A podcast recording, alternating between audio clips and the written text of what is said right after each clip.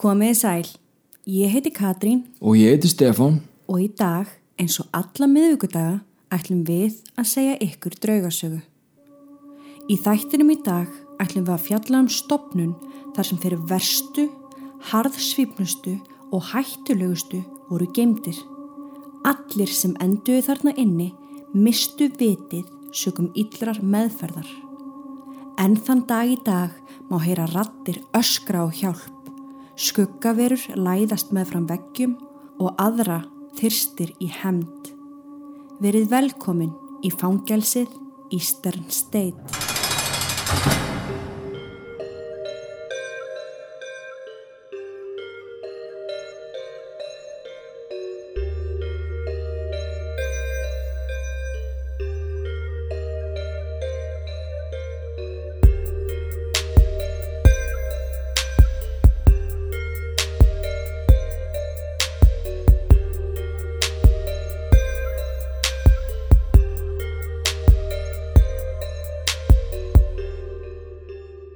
Húsið var hannað af John Haviland og var dýrasta fangelsi sem nokkur tíman hafði verið byggt og þessum tíma var þetta líka dýrasta bygging í bandaríkjónum. Fangelsið hóf starfsemi sína þann 25. oktober árið 1829. En þetta hús var hannað á mjög sérstakann hátt. Hönnun fangelsisins var eins og hjól sem sagt ein miðja og út frá henni voru sjö stórir gangar eða vangir en þessi hönnun var gerð samhliða nýri byltingakendri stefnu í fangelsismálum. Hinga til höfðu fangelsi farið eftir auðbörn stefnunni eða New York stefnunni eins og hún var stundum kölluð. Fangar voru lokaðir inni í refsingarskinni fyrir að brjóta lög. Þeir voru svo skikkaðir í vinnu innan veggja fangelsisins þar sem þeir átt að vinna í algjöru þögn. Líkamlegt ofbeldi gagvart föngum var einnig leift upp að einhverju marki. Flestir fangaverðir voru ekki starfi sínu vaksnir og því var auðvelt að múta þeim. Þannig að vændiskonur og áfengi áttu greiða leiða föngum sem voru í náðinni á meðan fjölmargir aðrir dóur kulda eða næringaskorti. Það var í rauninni lítið sem ekkert eftirlit með fangelsum almennt. Eastern State fangelsið fylgdi glænýri stefnu sem kölluð var Separate System eða aðskilnaðarstefnum. Því var haldið fram að ef að fangar væru algjörlega einangraðir frá samföngum og lokaðir inn í klefa myndu þeir finna guð.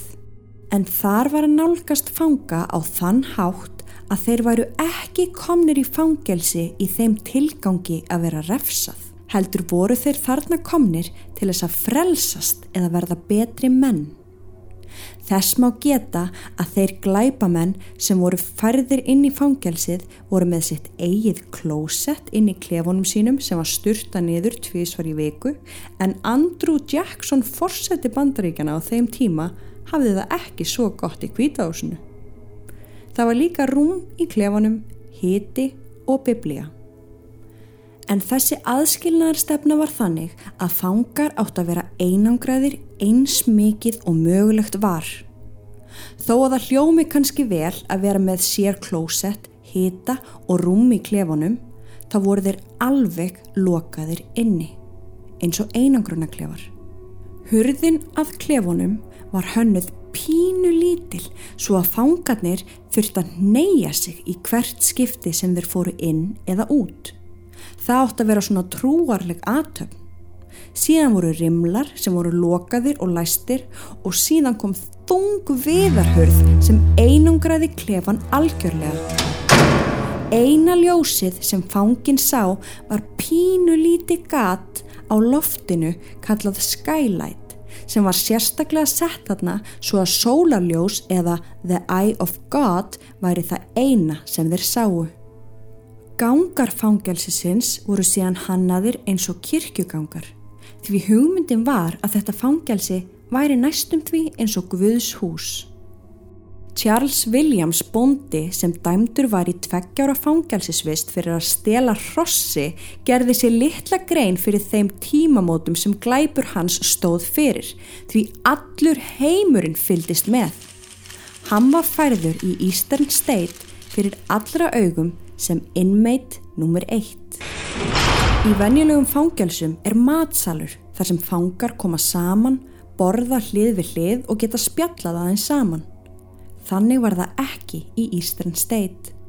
Þar sem einangrunin átt að vera algjör fekk fangin mat á bakka í gegnum lúu á hurðinni. Þeir fengu leifi til þess að fara út í garð einu sinni í viku. En í hvert skipti sem þeir fengi að fara út var sett hætta yfir höfuðið á þeim og þeir leittir út blindandi. Þetta var gert svo að fangin sæi ekkert því hann átti jú að vera alveg einangraður. Þegar út í garð var komið var fangin einn. Þeir fengi ekki nokkrir að fara saman því öll samskipti voru bönnuð.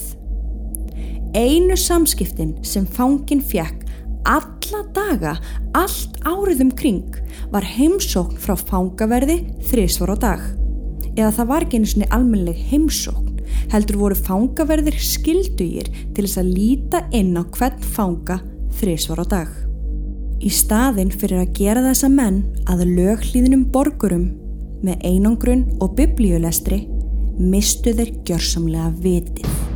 Ok, hugmyndafræðin þarna var greinlega svo að láta fangan bara vera eins einangraðan og hægt var. Mm Hugmyndin var náttúrulega bara að hver einasti klefi Já. var í einangruna klefi. Já. Þetta bara þekktist ekki. Og hver klefi var hannaður sem svona kapella og einmitt eins og þú segir með þessu skylight Já, alveg eins og bara kirkja, eins og lítil kapella já. og það virkaði ekki betur en svo en fólk var bara geðvegt Auðvitað, af því við erum ekki gerð til þess að vera bara algjörlega ein og inni lókuð. Næ, við erum félagsverur Það er til bók sem er varðveitt í fangelsinu í dag en þar voru döðsföll skrásett og þessi bók nær til 1830. Alveg rétt Sem sagt í dag getur þú skoðað hvernig fólk dó innan veggja fangelsisins frá 1830. Það er ótrúlegt Það er magnað Bara dánar orsök skrifuð í hvert skipti í hvert skipti. En fangelsið er opnað 1829 og það eru mörg döðsfull skráð 1830 þannig að fangar voru búin að vera þarna í einungis eitt ár. Og mistu vitið og drápu sig. Vá. Þetta var að hafa alveg þver öfug áhrif á alla fangana. Það var meðal annars Charles Dickens reytumöndur sem var fórhundin í heimsókn. Og hann segir sjálfur þetta er bara versta fráleitasta hugmynd sem hann hefur nokkuð tíman séð og þegar eftir svoleiðist mikið að fá þetta í bakið Er það? Hvena fór hann? 1830 og eitthvað Nei. Jú. Sem sagt bara stutt eftir í raunin að fangelsið var opnað. Það opnaði 1829. Já, það var bara einhverjum 5, 10, 15 árum Þannig að hann er að fara þarna inn áður en í rauninni allt gerist. Hann er að fara þarna inn á meðan þetta er akkurat svona. Já, Vá. hugsa sér Það leið ekki á löngu þar til fangelsið var orðið yfirfullt og þá var tekið upp á því að byggja efri hæð á alla vangi húsins. Þið munuð að það voru sjö vangir og það var byggt ofan á þá þannig á endanum voru komnir 14 gangar. Fangar sem höfðu verið með örlítið sólarljós frá rifu á loftinu mistu það í þessum aðgerðum. Á endanum var síðan byggður 15. gangurinn en hann var byggður af föngunum sjálfum. Þar voru þeir allra verstu lokaðir inni. Allan daginn, allt árið um kring. Engar heimsóknir frá fangavörðum. Engin samskipti við neitt. Engar ferðir í gardin. Algjör einangrun. Árið 1913 var fangjálsið orðið svo yfirfullt að það var ekki lengur hægt að hafa einn í klefa. Með því lauk einangruna tímabilinu en í staðinn tóku við ljótar og ómannúðlega refsingar. Föngum var refsað með því að binda þá við vegg út í ískaldri vetrarnóttunni og þar var sprautað á þá köldu vatni. Þar voru þeir síðan látnir hanga alla nóttina með þeim afleðingum að klaki byrjaði að myndast á líkama þeirra. Önnur aðferð innihjalt stálkeðjur með sérstökum klemmum sem festu tungur fanga við hendur þeirra fyrir aftan bak. Þannig að ef að fangin hreyfði sig eitthvað, aðeins örlítið, ripnaði tungan upp. Verst þótti þó að vera sendur í hóluna, þar sem þú varst bæði geimdur og glimdur svo vikum skipti í kolniðamirkri, neðanjarðar, án matar, drikjar eða aðgang að salerni. Ok, ég meina augljóslega þá er fólk orðið bara gjörsamlega störtlað þarna inni á þessari einangrun, á þessari meðferð, á þessari mannvonsku. Já, og það bytnaði oft á fangaverðum. Þeim var oft hrind niður af annari hæð þegar þeir opnuði fyrir föngunum og það gerðist svo oft að það var brugðið á það ráð að setja neð á milli handriðana sem myndi grípa fangaverðina áður en þeir myndi falla alla leið og lenda á hörðu steipugólfinu. Önnur saga er um fanga sem var honin svo paranoid því hann var vissum að starfsfólk fangelsisins væri að eitra fyrir sér. Kvöld eitt var klefin hans opnaður og um leið og hurðin opnaðist ræðist hann á fangavörðin og lemur hann bókstaflega til dauða. Eftir það fer hann afturinn í klefan sinn og sopnar. Þetta gefur okkur smá hugmynd um hversu klikkaðir fangarnir voru orðnir. Það óhugulega er líka að nokkru setna var fengin lásasmiður til þess að laga lásin á þessum tildekna klefa og að meðan hann er að vinna við það lítur hann inn í klefan og sér þá andlit sem hann líkir sem ófresku koma að sér á fullri ferð og hverfa svo. Einn allræmdasti mafjósi allra tíma var Al Capone hinn eini sann Scarface. Hann var hann inni, ekki sagt Jú, hann var án Eva þekktasti fangin í Eastern State. Og ólíkt öðrum föngum fekk mafjustjórin stóran tvöfaldan klefa innréttaðan eftir óskum hans. Með húsgögnum, skrippborði, tveim rúmum fyrir vændiskonur sem heimsóttan og fallegum málverkum á veggjum. Fylgur luxus Hann afplánaði dómsinn í Eastern State fyrir ólöglegan vopnaburð. Al Capone var svo sannarlega ekki hrættur við neitt, nema James Jimmy Clark. Já, Jimmy var einn af þeim sjö sem myrti voru í hennu fræga St. Valentine's Day Massacre þann 14. februar 1929 uppgjöri í undirheimum þar sem fimm menn taldi vera á vegum Al Capone tveir þeirra klættir í lauruglubúningum og henni þrýr í borgarlegum klæðum ruttu sér leiðin og byðvreiða vestæði þar sem hátsettir keppinautar Al Capones í undirheimum voru og þeim öllum skipað á neðrihæði húsins þeim raðað upp með hendur og andlit upp við vegg og byssukúlum svo látið rigna yfir þá all Fimmeringarnir fóru svo út með þessum þrjá sem voru í borgarlegu fötunum með hendur upp í loft á undan þessum tveim í lauruglubúningunum meðandi bissum á þá. Þeir fóru svo allir á vettvangi í sama bíl og sást aldrei aftur og enn þann dag í dag ekki vita fyrir vist hverjir voru að verki og hverjir þessum menn voru. Hinn raunverulega laurugla kom svo á staðin stuttu síðar og var eitt fórtanlaban á sjö enn á lífi og þegar lauruglan spyr hver skaut þig segir hann rétt árið að deyr af 14 byssukúlum. Enginn skaut mig. Al Capone heyrðist reglulega öskra úr fangaklefunum sínum í Eastern State. No Jimmy, og vildi mafjústjórun sjálfur meina að Andy Jimmy væri að ásækja hann fyrir að hafa átt þátt í dauða hans í blóðbæðinu Andy Jimmy Clark er ensaði vera á sveim í Eastern State fangilsunum heldtekinn í hemdarhug Síðan var að William Francis, eða hann var kallaður Slick Willie. Hann var eitt frægasti bankaræningi í sögu bandaríkjana. Með yfir 50 bankarán á bakinu eitt hann heilu ári í að grafa gung úr klefa sínum sem lág undir fangelsisvegginu. Þessi þaul skipulaði flótti gekk ekki betur en svo að fangaverðir beðu Willi og félagans þegar þeir stungu höfðinu upp úr hólinu hinum megin við fangilsisveggina og leittu þó aftur inn í Eastern State. Ok, þetta er pínu fyndið. Já, en svo er það samt Leo Callahan. Hann var einn af þeim 100 sem brutust út úr fangelsinu árið 1923 og sá eini sem náðist ekki aftur. Hann hefur aldrei fundist. Wow, ok.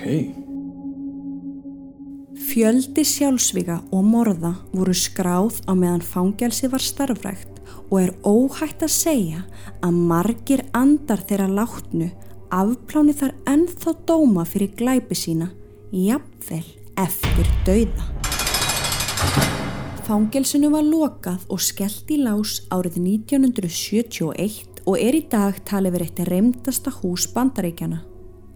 Eftir lokun hefur fjöldin allur af Paranormal Investigators heimsótt fangelsið og út frá því hafa sprottið upp sögur en þeir hafa líka náð ótrúlegum sönunagögnum.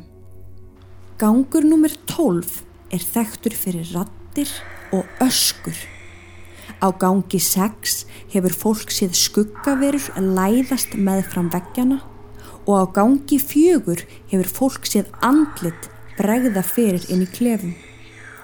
Aðrir hafa séð fangavörð efst í turni fangelsisins en þar sem húsið er yfirgefið á ekkert af þessu eðlilega skýringu. Ben Búkmann sem er leiðsögumæður um sapnið vil meina að þó að fangelsið sé sapn í dag opið almenningi séu þau ekki að auglýsa þetta sem reymdan stað þar sem þú finnur drauga. Það voru 70.000 manns lokaðir þarna inni og margir dóu innan veggja fangelsisins. Starfsfólk sapsins í dag tekur því alvarlega og vil alls ekki að það sé gert lítið úr því með einhverjum auglýsingum um draugagang. En á sama tíma hefur starfsfólk ekki útskýringu á þeim sönnunum sem fólk hefur náð á mynd eða EVP eða jafnvel orðið vittni að sjálft. Augljóslega erum við steppi fólk sem trúum á líf eftir dauða, annars væru við ekki að gera þetta podcast, en við ætlum að leifa ykkur að heyra nokkur EVP sem við höfum fundið og þið getur svo sjálf tekið ákförðun út frá því hvað ykkur finnst. Þú steppi ert með EVP-in Já, ég er búin að finna þó nokkur, sko. og ég ætla að taka það fram að ég hef ekki heyrt þau. Ég er að fá að heyra þau núna í fyrsta skipti á sama tím og þið. Mm Ég er spenntur. Tjekkum á þessu. Ok, Fyrsta Já. sem ég ætla að leifa þér að heyra, þá ég er spennt. það er tekið upp á Death Row. Og það er kona þarna sem er eitthvað lappandi um. Hún spyr, þetta er síðasta tækifærið to let yourself be known. Ok, og hún fær svar það kemur mjög feint og hann segir fangin Who can hear us? They want to be known. Last chance.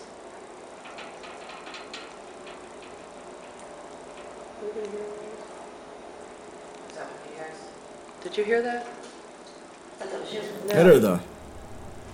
það heyrðist svona Who can hear us? Já Á dauðadeildinni. Á döðadeildinni Mér finnst þetta ekki einu sinni verið eins og eitthvað svona fullorðin kallmaður. Nei, svona eins og bara einhver veikur maður Já, þetta er svona alveg bara svona seinasta sem þú vorst að fara að segja, bara Who can hear us? Já, sorglegt Ok, næsta EVP sem ég ætla að leiða ykkur að heyra er tekið upp í klefa þar sem ung stelpa er að spyrja spurninga ég vil vara hlustendu við af því að þetta er náttúrulega kvenmaður sem er þarna í fangelsi okkupæðir er aðalega kallmörum -hmm. hún spyr can you tell me what your name is Ok.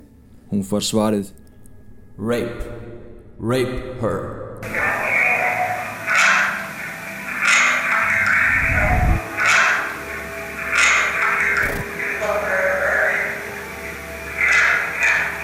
Ég heyrði mögulega rape en ég er ekki alveg vissum ég hafa heyrt nákvæmlega það. Mæ ég veit það ekki en það er það sem skiptir mig persónulega ekki mestu máli.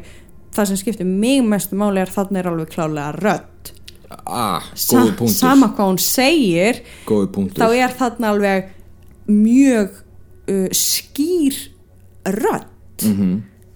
Hún spyr spurningu bara strax eftir þetta. Ok, Are you a murderer? ok. Og hann svarar Not yet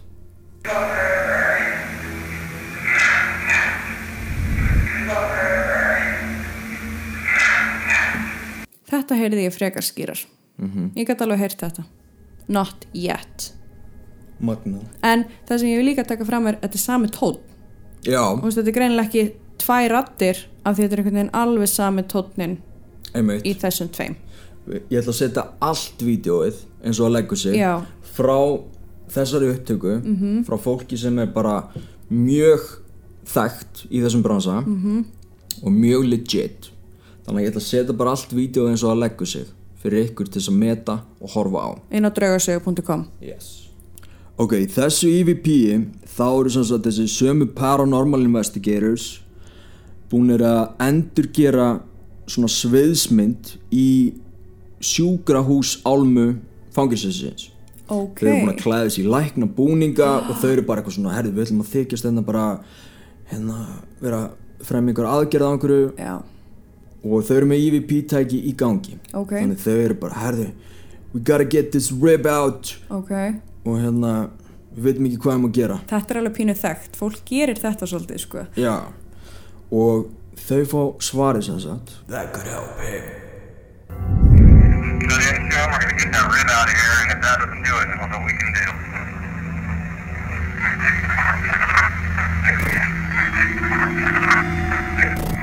Hvað þetta er ógulegt Þetta er klálega rödd.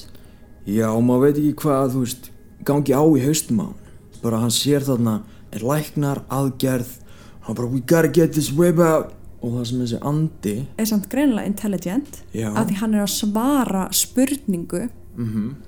Seinasta EVP-ið það er í rauninni bara hlægilegt. Nú, í bókstalagri merkingu. Hlæran ég ætla að leiða ykkur bara að heyra þetta. Ok.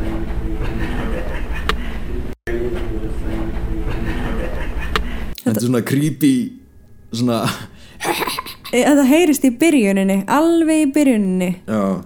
Áður en hann fer eiginlega að tala. Já. Vá, hvað þetta er ógulegt setjum þetta allt saman inn á draugasög.com Já, þá getið þið hlustað á þetta. Þið getið hlustað á þetta nokkru sinnum eða þið svona viljið fá að heyra Í dag er fangelsið rekið sem sapn. Það er opið fólki allan ársins ring og boðið er upp á túra þar sem fyrverandi fangaverðir og fangar segja sína sögu. Gestir fá að ganga inn í einangruna klefa en margir af þeim eru samt lokaðir með öllum orginal munum enn inni. Það er í kringum 220.000 gestir sem heimsækja fangelsið ár hvert sem segir okkur að sagan af þessum óhugulega fangelsi er langt frá því að vera glemt og við vonum að hún gleymist aldrei.